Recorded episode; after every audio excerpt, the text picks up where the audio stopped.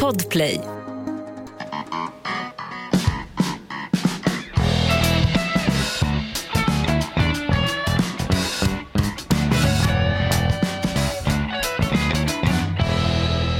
Säg är det konstigt att man längtar bort någon gång Får lyst till lärkans drill och trastens glada sång Säg är det konstigt att man längtar bort från neon och betong Gammal härlig svensktoppslåt Hans Ja, det är det. Svensktoppen blir svensk botten, botten upp. Välkommen till podden Inaktuellt. Och Hans, nu har vi utvecklat podden. Mhm. Vi tar bort outlaw countryn, lägger den sist i programmet. Jaha, är, det varför det? program? är det ett program där förresten? Podd det, en podd. En podd. Mm. Hinna, hittat en så fantastisk tolkning av gamla härliga Vysotsky. Ja. Dissidenten som hatades av hela Sovjetregimen men som nu har återuppstått. Eller? Ja, han söp ju ihjäl sig på ett tidigt stadium. Jo, men det kan väl hända den bäste Hans. Bäste ryss. Bäste ryss, absolut. kommer förresten uppgifter i veckan om att Sverige ligger i topp när det gäller alkoholkonsumtion per capita. Vad var det? 90 liter vin per person. Ja, ja det har ju alltså vad gäller starkt... alkoholenheter va? Ja, men det var väl att man hade räknat på alkoholmängden som konsumeras och sen hade man då eh, omvandlat den till flaskor vin så att det skulle bli mer begripligt. Men det blev det ju inte utan det, var, det är ju, det är ju eh, förskräckliga uppgifter. Men eh, då har då heller inte räknat all den här smuggelspriten som kommer in Nej. över svenska gränser som det bara köra in lastbilsvis med. Mm, för den är ju inte inräknad utan det här är ju då eh, det som försäljs på systembolag och annat. Mm. Ja, då har ju inte ens Lucia varit, Nej. jul och nyårshelgen har det inte varit, men 90 liter vin motsvarande alkoholmängd per person i Sverige. Det är ju för fan galet Hans. Ja, och då har jag ändå varit precis i Danmark där man då firar eh, julölens dag. Tuborgs julöl eh, kommer ut en och det var så som i fredags eller lördags när jag var där och det är ju ett fylleslag utan Ja. like. Alltså Tuborg serverar gratis bira. Det får ju Christiania att framstå som ett torrt revisorsrum eller någon eh, förrum till någon vårdcentral. Det är ju full fart i Danmark. Är det inte trafikstockning och sånt när Tuborg kör ut sina gratisölbilar? Eh, Kanske, men, men som sagt danskarna är väl ganska nogsamma med det att låta bilen stå så det var faktiskt ingen biltrafik in i centrala Köpenhamn överhuvudtaget. Däremot cykeltrafik, de är ju galna i att cykla danskarna. Eh, och det är ju någonting som vi då försöker härma så småningom. Cyklar utan sadel. Men märkte du inte ens att det var trafikstockning Hans? För att de varnar ju för det till och med. Det var ju sådana trafikstockningar i Danmark så till och med Malmöregionen blev drabbad. Jaha. Så satans mycket trafikstockningar var det. Skit i det, vi pratar alkohol. Hans har varit i Danmark, det handlar om alkohol och det handlar om Ryssland. Nu! En anti-rysk låt här i Inaktuellt-podden. Jonas Nilsson, Hans Wiklund, kända från... Eh, åh, Ja, ingenting. Nej, du är ju inte känd alls Jonas. Nej. Nej. Men det är ju något bra egentligen, var det inte det? Ja, Fråga om man vill gå under radarn, man har mycket att dölja, Frå- eh, så kan det vara bra att inte vara känd. Fråga hon Margot Dietz, den där influencern, som hittar en utslagen man på fyllan i trapphuset. Ja, utanför sin egen dörr mer Ja, eller mindre. Ja. exakt. Och vad gör hon? Låter sina barn gå ut och peta på honom, spela in någon rolig halloween-video och sen skicka ut den lite överallt. Och nu droppar de ju av, inte bara den utslagne mannen som lommade iväg i Dressman-kallingar, Mm. utan även hennes sponsorer. Ja, alltså priset för content eh, kan bli dyrköpt ibland, men sen är det väl så när man är influencer, man ska ju mm, före- föregå med något så gott exempel då, eftersom alltså, man ska ju torgföra produkter, det är ju hela idén med att vara influencer, eller hur? Det är Ungefär ju så man får betalt. Ungefär som en podd, vi ska ju torgföra produkter, vi är sponsrade av olika eh, ja, varumärken. Ja, det är ju märkligt. Eh, nej men då droppar de av en efter en av de här sponsorerna. Visar sig att den där snubben som, han var väl boende i huset. Det var inte någon utslagen person utan framtänder som typ någon lokal kille som bor i en fyllkvart i Aspudden. Nej. Det var ju ändå en, Var ens granne? ja men det var ju någon bostad, det var ju någon i bostadsrättsföreningen. Nu, nu, På står jag, Östermalm där, ja. nu står jag och försvarar en influencer, det tänker jag inte göra faktiskt. Var det inte Margot Dietz också som orsakade rabalder när Ebba Busch och hon var på en kändispremiär? Ebba Busch som senare benämndes i TV4s journalistkretsar som Ebba-släbba. Ebba Busch skickade hem henne, för hon var alldeles för mycket på arslet, hon skickade hem henne i en Säpo-bil. Och det där tog hus i helvete. Säpo ska bara forsla politiker fram och tillbaka till olika flygplatser så att de kan känna lite flygskam. Det var ju mm. samma, var inte hon eller? Jo, jo, hon är lite kontroversiell faktiskt. Hon gav ju också ut en barnbok eh, eh som hon då skrev hon, eh, för att få en avdragsgill resa till Sydafrika för hela familjen så skrev hon en barn, barnbok eh, där hennes barn då antar jag träffade olika vilda djur i Afrika. Ja. Dock så är inga som helst afrikanska invånare förekom i böckerna, så som att läsa Tintin i Kongo mer eller mindre. kändes lite daterat. Eh, men som sagt, hon är inte sämre tjej än Margot Ditzen att hon kan be om ursäkt, putsa av sig och gå vidare och fortsätta sitt värv så att säga. Och jag tror hon kommer att klara sig alldeles utmärkt även från den här så kallade uteliggarincidenten som då inte var någon uteliggare utan en packad jävla granne som hade trillat mot hennes dörr. Och vem har inte ramlat och slagit huvudet ja. i, grannens hos, dörr. i grannens dörr? Det är ju för fan med folkligt. Det är mer folkligt att dricka 90 liter vin per person och år i folkhemmet. Ja. Över till Vysotsky, den antisovjetiska trubaduren som ja, dog av fyllslag. Men han hamnade inte utanför en dörr hemma hos familjen Ditz på Östermalm i Stockholm. Jag växte upp under Leningrads belägring. Ja! Den tiden var jag nykter, ung och smal. Jag såg när tyska bombplan brände Badajevskij-lagren Jag köade för bröd varenda dag Klasskampen fortsätter. Hör du att det är Eva-Britt Strandberg som ylar den här gamla Wysotsky-låten översatt till svenska av vem? Mm, jag vet inte. Ingen jävla aning faktiskt. Nej, nej. Mm. Men visst är det mäktigt Hans? Ja, härligt. Ja, ja.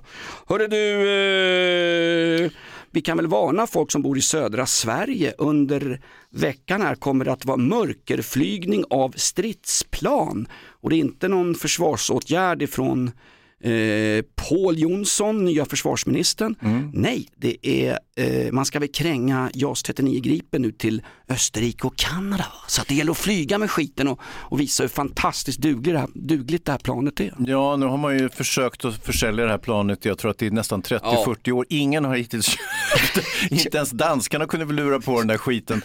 Eh, Sydafrika bytte det mot jordspadar. Ja, ja. Eh, nej, så det, det är ju sorgsamt. Men det känns ändå som vi musklar upp oss nu. Mikael Idén öppnar upp för att vi ska kunna ha kärnvapen. Det vore jäkla härligt om vi kunde ha en sån där parad som de har i Phnom, Pyongyang. Det vill säga när man, vi rullar fram eh, kärnvapenspetsar på Sergels torg och, och, står och mallar oss. Eh, eh, nej, jag ser fram emot det faktiskt. Jag tror det kan bli bra och dessutom avskräckande. Ja, alltså, mm, eller kanske avskräckande vet jag inte, inte för, vet inte för vem, men, men avskräckande inför NATO som förmodligen inte kommer Nej, de vill ta... inte ha med oss att göra Nej, längre. Exakt. Nej. Nej, Tobias Billström, nya utrikesminister, han, han, han, han, han vilar ju inte på hanen. Först sitter han och säger i en Aktuellt-sändning att vi har inte en feministisk utrikespolitik. Nej. Boom! Vänster, vänstermedia stormar, han får till och med en följdfråga.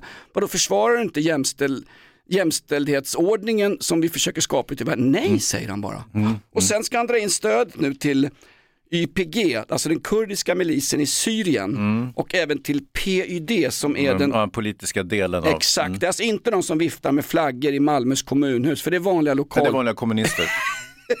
som viftar med PKK-flaggor. Ja. Bästa sättet nu om man inte vill gå med i NATO, det är att bli politiker och vifta i media med en PKK-flagga. Erdogan blir ju tokig. Ja, Va? men som sagt, eh, den, eh, den, nya regimen, den blåbruna regimen i Sverige eh, är ju nu, smeker ju medhårs med Erdogan och, och säger som sagt att man, man ska vara lite mer reserverad mot YPG och deras politiska mm, eh, gren och man, man Eh, man försöker ju bulla upp här nu så att eh, Erdogan ska tolerera oss i NATO, eller hur? Mm. Och då var det någon YPG-talesman som självklart med en sån här gigantisk snorbroms alla Tom Selleck dök upp i något taggtrådstängsel och sa jaha, får vi inga mer pengar ifrån Sverige? Vi vill poängtera att vi i YPG, vi är visserligen PKK 100% men det är inget vi låtsas om för då slutar ni skicka bidrag Nej, till oss här nere. Och dessutom har vi 400 ISIS-medlemmar som vi gärna vill bli av med, skickar dem imorgon till Sverige. Underbart, det finns lediga lägenheter nu just nu i Skäggetorp, Linköping där de kan bo. YPG är ju Eh, och det är ju känt, de är ju, det är ju PKKs underorganisation. Och när din polare han, vad heter han, rapparen Petter och alla på mm. Södermalm i Stockholm gick runt med sådana här persmärga-tröjor. Mm. Persmärga är också, persmärga är också PKK. Nu sticker jag ut dubbelhakorna. Det här är ungefär som när Mikael Syrén ÖB sa, exakt som du sa Hans. Ja, jag utesluter inte att vi får kärnvapen på svensk jord. Förstår, förstår du vad förbannade? Ska vi gå med i NATO, då kanske vi tvingas skicka våra grabbar ut i krig. Ja, det är exakt det som händer nu, fast det är Ukrainas grabbar vi tvingar ut i krig för att hålla den ryska björnen stången va? med Mm. de gula betarna och det sovjetiska manifestet i Ja. bakhuvudet. Och med det sagt, jag undrar om vi får några flygplan försålda. Eh, ser mörkt ut faktiskt. Men eh, som sagt, eftersom vi flyger i Skåne så danskarna kan ju åtminstone se de här flygplanen. Eh, så kanske något i alla fall vi skulle kunna försälja. Mm. Se upp för vindsnurrorna. Ett poddtips från Podplay. I podden Något Kaiko garanterar östgötarna Brutti och jag, Davva, dig en stor dos skratt. Där följer jag pladask för köttätandet igen. Man är lite som en jävla vampyr. Man har fått lite blodsmak och då måste man ha mer. Udda spaningar, fängslande anekdoter och en och annan arg rant. Jag måste ha mitt kaffe på morgonen för annars är jag ingen trevlig människa. Då är du ingen trevlig människa, punkt. Något Kaiko, hör du på Podplay. Därför är gardinerna. Du, eh, mm, vi hade ju en frågeversionen utav Inaktuellt körde vi ju torsdags när vi kör våran livepodd. Varje torsdag livepodden med Inaktuellt på den okristliga primetime-tiden 09.15. Varför, varför kör vi en livepodd kvart över nio? Jo, vi utgår från att inga som lyssnar på den här podden överhuvudtaget har något jobb, utan man sitter då på boenden, häkten och i väntrum till socialen och kan lyssna på programmet. Varje torsdag livepodd, fast nu skulle de byta tiden då bara för att krångla till det. Var, det, var det vintertid eller? Fan var det? Eh, nej, jag vet inte, men, men det är bäst, man skaffar ju eh, Podplay-appen i telefon, registrerar sig där om man vill och eh, så, så kan man vara med och ställa frågor och så vidare. En fråga som vi fick i torsdags som vi inte hann svara på. Inte det- ville svara på. Nej, precis. Delvis för att frågan var så otroligt infantil. Eh, och, den var eh, givetvis riktad till mig då. Och frågan löd ungefär så här. Om du kunde vara osynlig en dag, vad skulle du göra då? Eh, och ehm, ja, jag, han är ju funderar över det där, för jag tänker det där är en fråga som man ställer till en femåring och då, femåringen, då tänker femåringen så här, men jag går in i damernas omklädningsrum och så tittar på när damerna byter om. Tittar rätt in i trollet. Fast nu, nu, nu, nu kränker du ju femåringar Hans. Många femåringar skulle kunna sitta i olika kommunstyrelser faktiskt. Jag har rätt i. Men, Ja. men hur som helst, så, så att, men jag, jag, jag dryftade den här frågan med mig själv och så kom jag på att jag är ju osynlig, alltså, och du också Jonas på ett sätt. Vi Ja. män i vår ålder då, Eh, förutom att vi då in, eh, innehar liksom chefspositionen inom de patriarkala strukturerna och förtryckarsamhället, så är det ingen som riktigt tänker på att vi existerar. Vi har ju passerat så att säga den där åldern när man är en person att räkna med. Vi är ju utförslöpan mot en för tidig död om du förstår vad jag menar. Alltså en, en, en person som, som eh, ja, ut, ut, utan vare sig sexuella eller ekonomiska eller sociala muskler som, som liksom bara, bara vaggar mot graven. Alltså en person som, som är mer eller mindre osynlig för, för alla andra. Vad är det han säger Mel Gibson, inledningsscenen i fantastiska gamla filmen Road Warrior.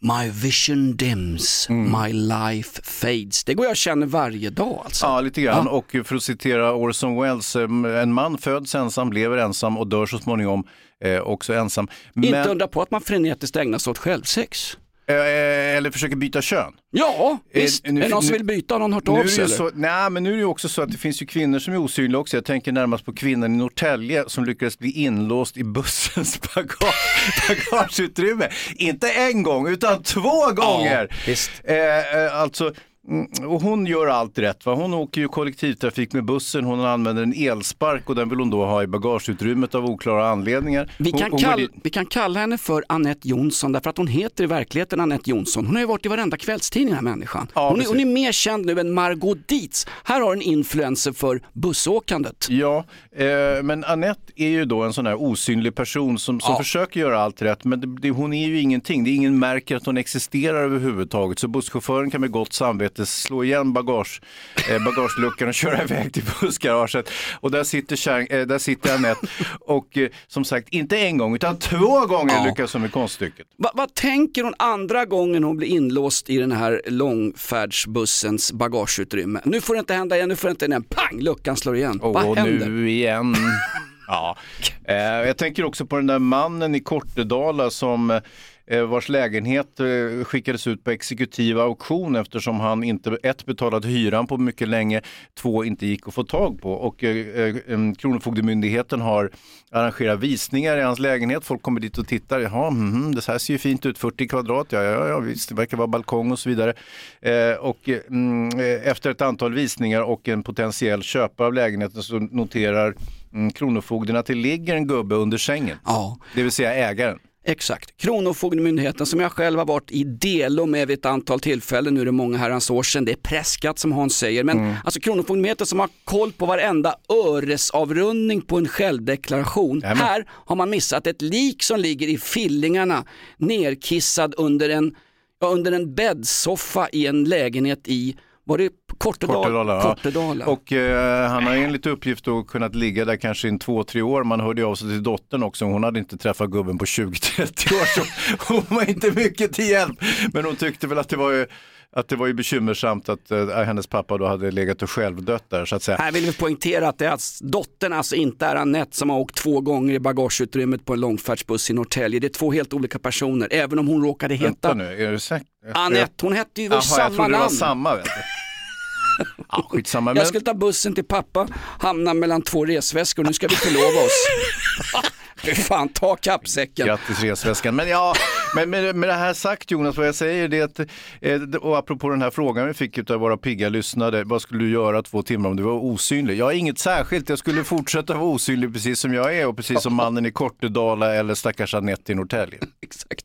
Du, på tal om osynlig, hörde du han Erling, 75 år som har bildat nu, jag har gått med själv, hashtag team Erling. Där är motsatsen till osynlig. Ja, exakt! Han drar sig själv som flugan till skeppans ljus för att citera James Joyce. Han dras in i ljuset. Men vad är det som har hänt? Grejen är så här. Han är ute och åker bil gubbfan, 75 år gammal. Polisen tycker han vinglar och misstänker rattonykterhet. Polisen gör ett efterföljande. Alltså det är, en, det är en biljakt utan att den som de jagar märker ens. Nej, precis. En, en lite pass, passiv-aggressiv biljakt. Exakt. Inte som när de eh, jagar epatraktorer i 200 km i timmen så ungarna kör ihjäl sig. Herregud. Nej, det här var helt annorlunda. Han kör i sakta mak fram sin japanska bil av äldre modell. Eh, och efter några eh, mil så tröttnar snuten på vissa blåljus och vill att han ska köra in till kanten för ett misstänkt rattonyktertest. Nej, då ringer de kollegorna i nästa stad och helt otroligt nog så svarar polisen när man ringer till dem. Det gör de aldrig när jag ringer. Vi slänger innebandyklubborna och går och hämtar den där jävla spikmattan. Normalt sett när man ringer till polisen om man bor i Aspudden, då är det ungefär Hej, du har ringt till polisen.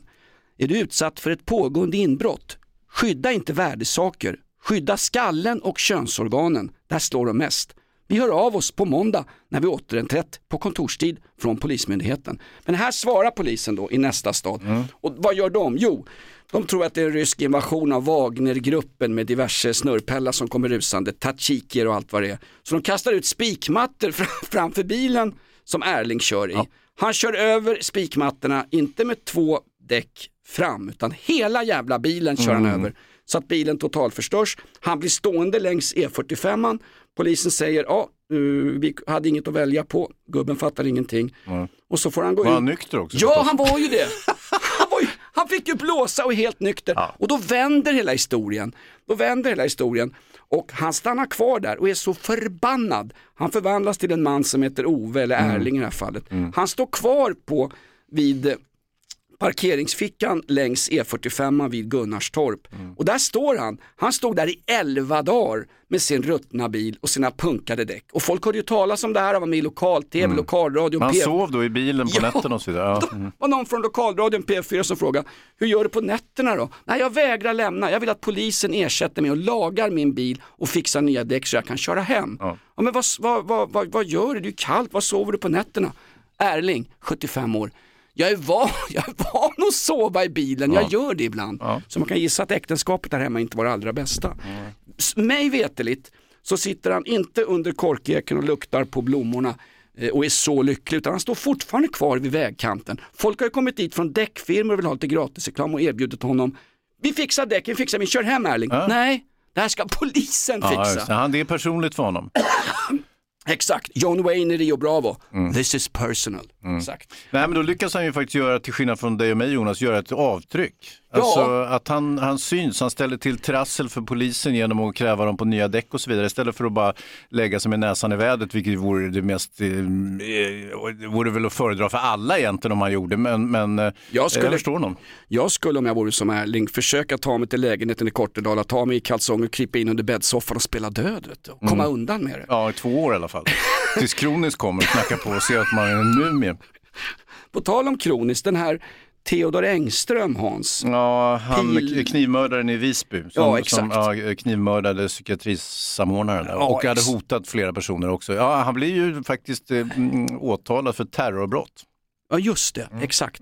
Eh, och Men, mord. men grejen är så här, alltså alldeles oavsett de bestialiska mord han har utfört liksom. Och, Ja, ett i alla fall. Mm. ett, ja, vad vi vet Hans, Mhm. vad vi vet. Mm. Nej, men grejen är att, att, att eh, Säpo med alla deras resurser har missat honom. Han, åker, han är då registrerad hos Säpo som högerextremist med våldstendenser, utgår jag ifrån. Eller någonting. Han, är ändå, han är reggad, han har dykt upp med IP-nummer på diverse sajter, ja. bla bla bla. Och han har upp, alltid uppträtt med sitt riktiga namn, Theodor Engström. Och eh, han tar en enkel färja över till Gotland under sitt eget namn. Han bor en vecka, en jävla vecka bor han i tält utanför ringmuren. Och i tältet hittar polisen sen då när de när det här bestialiska dådet har skett mot Ingmarie Wieselgren. Eh, han har varit ute efter andra också som du säger. Han har varit ute och han skulle ju sno både krucifix och gammalt surt nattvardsvin från Visby domkyrka. Va? Visst var det så? Ja, eh, han skulle ge sig på ärkebiskopen. Ah, det gick så jävla långt så han tänkte ge sig på folk som satt i baren på Snäck också, men icke! Eh, han kom inte dit. Nej, men så hittar de tältet, då har han ju 200, 200 doser LSD. Det bor alltså en person en vecka i ett tält utanför Almedalen. Ingen polis, ingen ordningsvakt, ingen från Säkerhetspolisen, inte, ens frågar vem är det som bor i ett tält utanför ringmuren. Och där sitter han med pilbåge, låtsashandgranater. Det är en, det är ju, alltså, vad gör Säkerhetspolisen Hans? Man ligger de och sover utanför Margot Dietz dörr och dunkar huvudet i hennes bostadsrättsförening? Nej, men, men ja, jag vet inte, men det finns ju säkert, det, det är ju tusentals sådana här gökar, sådana här incelgrabbar med eh, neuropsykiatriska diagnoser som är inne och registrerar sig på olika nazistforum eller andra eh, extrem, extremforum. Eh, och då blir man väl föremål för Säkerhetspolisens intresse, alltså så tillvida att de, Ja. har, de har ett namn. I övrigt så, så gör man ju inga åtgärder. Det, det, det ju, skulle ju behöva eh, 20-dubbla Säkerhetspolisen om man skulle ha en chans att följa upp olika knasbollar. Eh, De allra flesta är ju harmlösa givetvis, så det, det är därför som det är lite svårt att hitta en sån här gök. Säg som Christer Pettersson, jag är harmlös tills jag ställer till med någonting, det ska jag ha klart för dig. Ja. I hans fiktiva rättegång på TV3. Nej men jag, jag förstår vad du säger Hans och jag köper det. Men när han under sitt eget namn bokar en enkel biljett, en enkel biljett med färjan över till Gotland. Att ingen ens kollar vem som åker till den här ön inför Almedalsveckan, det tycker jag är märkligt. Han är säkert på någon risklista hos Säpo. Här har man ju missat honom helt. Säpo hade väl full bevakning inne på NK vid Filippa K-butiken om någon eventuell eh, utrikesminister typ Anna Lindh skulle komma lallandes. Ja, men- vi, alltså, vi, vi lär oss ju aldrig. Nej, Varenda gång nej. det här händer så sitter någon, någon icke ansvarig tjänsteman och säger ja. Jag så- trodde inte det skulle Ja, hända förstår du, här. Vi såg det inte komma för att citera fritidsfiskaren och folkpensionären Stefan Löfven, för övrigt född i Aspudden liksom jag, eller född, född och gödd i Aspudden i alla fall. Det är ju så märkligt Hans, vad fan betalar vi för alltså? Uh, mm, måste jag tänka. Jag vet. Ja, vad? YPG och PYD, den politiska grenen, så att de behåller IS-terroristerna där nere. Ja, det här packet vill vi inte ha i Sverige. Nej, det- är bra att de... Mm, hur ska vi kunna... Ja, mm. Det, det är kul också att just när den borgerliga regeringen, eller den blåbruna regeringen med stöveltramp och kakafonier eh, ska försöka ordna någonting efter Tidös slott och Johan Persson byter och eh, bensinskatten som skulle, eller bensinpriset skulle sänkas med 10 spänn, det blev 14 öre därför Ja, att ja, ver- ja. verkligheten hälsade på. Eh, men det är ändå en sänkning. 14 öre, många bäckar små. Ja, Säg att du, att du har en, en stor jävla dieseltraktor ute på landet, det blir ju en del stålar per år, i alla fall 14 öre minus. Om du inte får en tömd av estniska tjuvar som slangar bensin. Det går ju fortfarande att slanga gamla John Deere-traktorer Hans. Ja. Nej, men då, det är så kul att just, just när de har fått ihop någon slags budget och Strandhäll har liksom stångats och fått eh, navelboxas med Sverigedemokrater och, och någon jävla liberal från Örebro och allt vad det är. Då kommer Myndigheten för samhällsskydd och beredskap. Hej, vi måste höja eh, beredskapen och fixa skyddsrum och vuxenblöjor till civilförsvaret. Vi ska inrätta ett civilförsvar. Har ni extra 27 miljarder kronor? Alltså det spränger vilken budget som helst. Ja. Och varför nämnde inte MSB att de behövde 27 miljarder extra för att upprätthålla ett svenskt civilförsvar när den vänsterregeringen satt på plats? Det här trashar vilken budget som helst. Ja. Jag hävdar med en dåres envishet. Att det är en konspiration. jag, jag dunkar huvudet i Mar- Margot Dietz influencer bostadsrättsdörr på Östermalm. Att det var planerat att efter valet, om vi förlorar, då går MSB, Myndigheten för samhällsskydd och beredskap, Dan Eliassons gamla privatarmé, då går vi ut och kräver 27 miljarder för att upprätthålla eh, ja, säkerheten i landet. Ja men det tror jag, alltså vi har ju gott om inre hot och då tänker jag inte bara på den här olyckan eh, Theodor som reste till Visby utan eh, jag tänker också på den här förskräckliga ormen. Eh, Sir Väs, du vet eh, den som rymde från Skansen-akvariet och det var sånt himla uppståndelse kring det där. Han vill ju hem och stötta eh, Lula i det brasilianska valet men så kom han tillbaks, sökte asyl igen i Skansen-akvariet och nu ska han få stanna på HVB-hemmet eh, Skansen-terrariet. Ja, och vi har ju tidigare varit eh, ganska kritiska mot den här Skansen-Jonas, Jonas Wahlström och hans, eh, ska vi säga, lite axelryckar-attityd kring någonting som ändå folk blir väldigt uppjagade över, det vill säga en förrymd giftorm och sådär. but Eh, Han har ju någon släkting som dessutom verkar vara vice vd för Skansen, åtminstone har de samma efternamn. De kanske inte ens är släkt. Det är väl han som har ömsat skinn och dyker upp som Anna Wahlgren. Hon blev ju en ny kändis när, när historien bara fortsätter trots att ormen ligger och käkar ostbågar på dagarna. Den är ju fast för fan. Ja. Eh, Anna Wahlström hade också, eh, precis som sin släkting Skansen-Jonas uttryckt sig lite drastiskt och sagt att om de inte hittar ormjäveln skulle de spränga hela Skansen-akvariet. Och nu, nu ska hon bli lite hudflängd för det här. Så vad menar du för någonting? Vadå spränga ett akvarium på Skansen? Det- Barnen då och så vidare. Eh, det är ju livsfarligt. Då menar de, ja men det här var ju i bildlig mening. Jag uttryckte mig i metafor. Jag tänkte ju inte alls att vi skulle spränga akvariet men det var ju viktigt för oss på Skansen att hitta ormjäveln. Va? Eh, samtidigt så läser jag om en händelse i Indien och det handlar om lille Deepak, eh, åtta år. Samma ras, alltså inte den indiska rasen, den indoeuropeiska rasen, eh, utan Ja, nu- nu- samma ras på ormen. Ja, nu ska du vara lite försiktig med det där. Alltså, eh, människan är en ras, eh, Homo sapiens. Är det sant? Då måste Ja. jag ändra allt jag lärt mig om Carl von Linné som Ja, var ja, Sveriges ja. första rasbiolog och som, la, som faktiskt la grunden till det nazistiska Och maktövertagandet. Skansens verksamhet. Där har du den! Där fick vi både, där fick vi pålsteken att gå runt den lilla scoutpojkens bägge ben som Bosse Hansson sa. Ett poddtips från Podplay. I fallen jag aldrig glömmer djupdyker Hasse Aro i arbetet bakom några av Sveriges mest uppseendeväckande brottsutredningar. Går vi in med hemlig telefonavlyssning och, och då upplever vi att vi får en total förändring av hans beteende. Vad är det som händer nu? Vem är det som läcker? Och så säger han att jag är kriminell, jag har varit kriminell i hela mitt liv men att mörda ett barn, där går min gräns. Nya säsongen av Fallen jag aldrig glömmer på Podplay.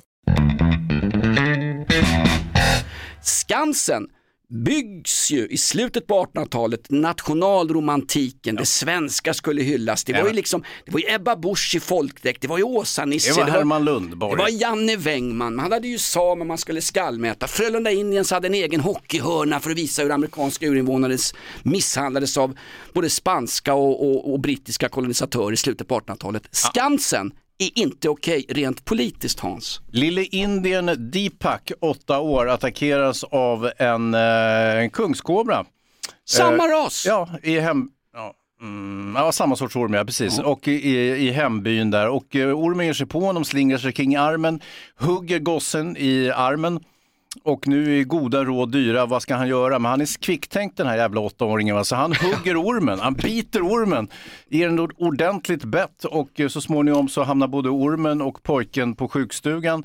Eh, Det visar sig vara ett, eh, ett så kallat torrbett, va? det vill säga att ormen hade inte lagrat tillräckligt med gift för att kunna döda pojken utan det var bara ett vanligt bett så att säga. Däremot så gav grabben högg i ormen, med, med, kanske inte hade borstat tänderna i närtid heller, så ormen dör Pojken är pigg som, en, pigg som en lärka nu igen och det här var väl en jäkla positiv och glad nyhet till, till skillnad från allt elak, el, elände som, som vi har kommit med hittills. Det är en solskenshistoria. Ja, jag, vill se hur, jag vill se hur tandköttet såg ut på den här lilla åttaårige pojken Deepak. Och sen undrar jag en annan fråga också. Hur Mm. ser skoltandvården ut i New Delhi? Alltså? Han biter en orm så att ormen dör. Jajamän, Ehm, ja, äh, vilken jävla grabb va? Ja, verkligen. Ja. Jag påminner om den där åttaåringen på Malmö central, kommer du ihåg honom? Han som Ja, gav sig på ja. vakterna där och sen så eh, väckte stor opinion i, i eh, svensk media. Man ansåg att vakterna hade använt övervåld mot åttaåringen som vid närmare besiktning visade sig vara 14 år. Men, eh, och, och, Jag tror inte det var man- sista budet ens. Nej, Hans. nej, nej. De Nej. mätte knäna på honom med kol 14-metoden. Han var 17 år den där grabben. Ja, och sen kom Carl von Linné in och då var han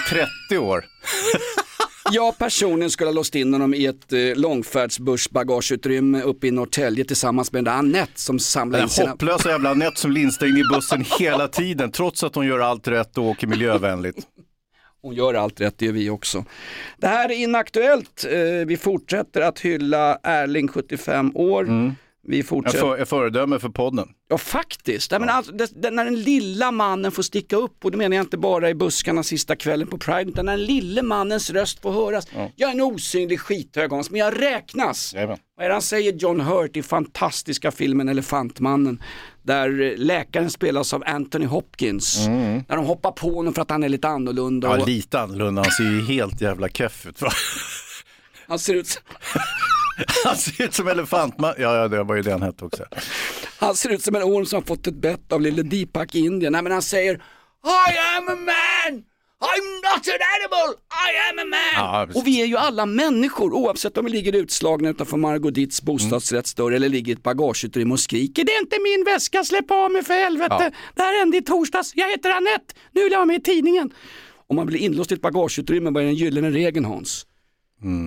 Ställ inte upp i media. Nej, nej, nej, nej, mörka skiten. Exakt, det här är inte min bag säger man helt enkelt. Hans, podden är klar. Mm. Fan vad snabbt det går som jag sa när jag var på reeperbahn och träffade Dickie Berta. Fyllde 80 i veckan. Hans, du sa sist i radion, eller du, det var någon morgon vi skulle uppmärksamma att Dolly Parton hade kommit in i Rock and Roll Hall of Just. Fame. Mm, och under hennes vänstra bröst så satt ju faktiskt Rob Halford från Judas Priest och så körde de Jolene tillsammans. Ja, ja, exakt. Och, Och då- ja, mosa henne. Dolly Parton mosar ju honom. Han, alltså, han, han lät ju som en liten brud medan Dolly Parton blåste på liksom. Mm, exakt. Nu är det inget fel på små brudar för Verkligen att inte. citera Örjan Ramberg. Eller små killar som Deepak, åtta år i Indien. Du sa då, då sa jag, men ve- vem, vem är, så var det andra countrylegend och då sa jag, men Merle Haggard, de spelar en Merle Haggard-låt och då visste inte du vem Merle Haggard Nej, var Hans. inte. Och här kommer lite härlig folkbildning. Ett, Sverige kommer ha kärnvapen på svensk mark när Ulf. Kristersson har lurat Äntligen. Erdogan. Vi kommer inte fortsätta stödja YPG, den kurdiska milisen i Syrien. Så få Och- hem resten av IS till Sverige igen. Exakt. Välkomna. Vi, vi kommer heller inte, inte sponsra PUD, den politiska grenen av YPG, med mera skattepengar. Nu har Billström sagt sitt. Merle Haggard, alltså han som satt på San Quentin för grovt rån, när Johnny Cash kommer dit en vårdag 1969 och spelar kåkfararlåtar, då tänker Merle när han sitter där, när jag kommer ut från kåken om det händer, då ska jag inte åka långfärdsbuss i Norrtälje, jag ska börja spela musik och resten är musikhistoria. Merle Haggard är den första och kanske den största eh, outlaw country-artisten Hans. Ja, vad spännande. Det här vill jag höra. Tyvärr avliden, han dog av ett Jaha. ormbett i Indien på 1980-talet. Men betyder det att vi inte får lyssna på det? Jo, Ja. här kommer han. Merle Haggard, alltid lite outlaw country inaktuellt. Hör oss på torsdag igen, livepodden. Vad är det för tid? Davva styr ju tiden ungefär som hans farsa styr att han inte har färska champinjoner på pizzorna. Ja, 09.15 var det senast. Jag hoppas att det blir samma har tid nu på bytt. torsdag. De har bytt ja. De har Till bytt vadå? skiten. Det vet vi inte. Man bytte till två nya poddar Hans. Ja, det kan ju inte skada i och för sig. Men, men tiden är ju helig. Ja, 9.45 är den senaste tiden. Om, vi får ju flytta på oss för att Hasse Aro ska ha livepodd-studion. 9.45 livepodd torsdagar. Ladda ner Podplay-appen så kan du vara med och ställa frågor på riktigt. Till exempel vad Hans skulle göra om han var osynlig i 24 timmar. Om jag var oskyldig i 24 timmar. Ja. Kommer inte hända. Merle Haggard, vi går ut på den. Woo! Outlaw Country. I'm thinking of you tonight, old pal. and wishing that you were here. I'm dreaming of a time and a day gone by when you filled my heart with Det är cheer. nästan homoerotisk. Det är som du och jag en sen kväll på Tennstopet Hans. Det ska Bland- liksom... Mm, blanda inte in mig i det där Jonas, är du snäll. Ah, Okej då. Vi blandat in Hans i podden. Om jag nu har frågor till livepodden på torsdag som ska ställas, då kan man mejla till mig Hans. Och eh, jag finns ju på datingsajten eh, coldleftovers.com. Men man kan också mejla mig direkt va? Ja, precis. Eh, Jonas heter rockklassiker.se va? Lysande bra. Eh, från avtagsvägen på E E45. Ni kan också skicka frågor till mitt Instagram om ni vill. Jag heter Hayes Dimman. kan ni skicka frågor dit. Hayes Dimman, som han trevliga meteorologen i morgonshowen. Fantastiskt. Det är, mer, det är, en, det är en större, ett större sammanträffande än att den här Annette som fastnade i ett bussbagage är exakt samma namn som dottern till han som hittades i Fillingarna livlös på golvet i Kronofogdens utmätta lägenhet. Var han hoarder? Ja, det verkar så. Eftersom han var ju skymd av allt jävla skräp han hade samlat på sig. Så att, eh, vi kan inte gå för hårt åt eh, Kronofogden den här gången. Nej, det får Säpo kolla. Säpo, de har koll på grejerna. Nu står vi vid E45, Hans. Något brandtal nu till trafikpolisen som försöker få iväg gubbfan från... Han, han är ju i vägen på körbanan. Vad har vi att säga till folk? Hej då!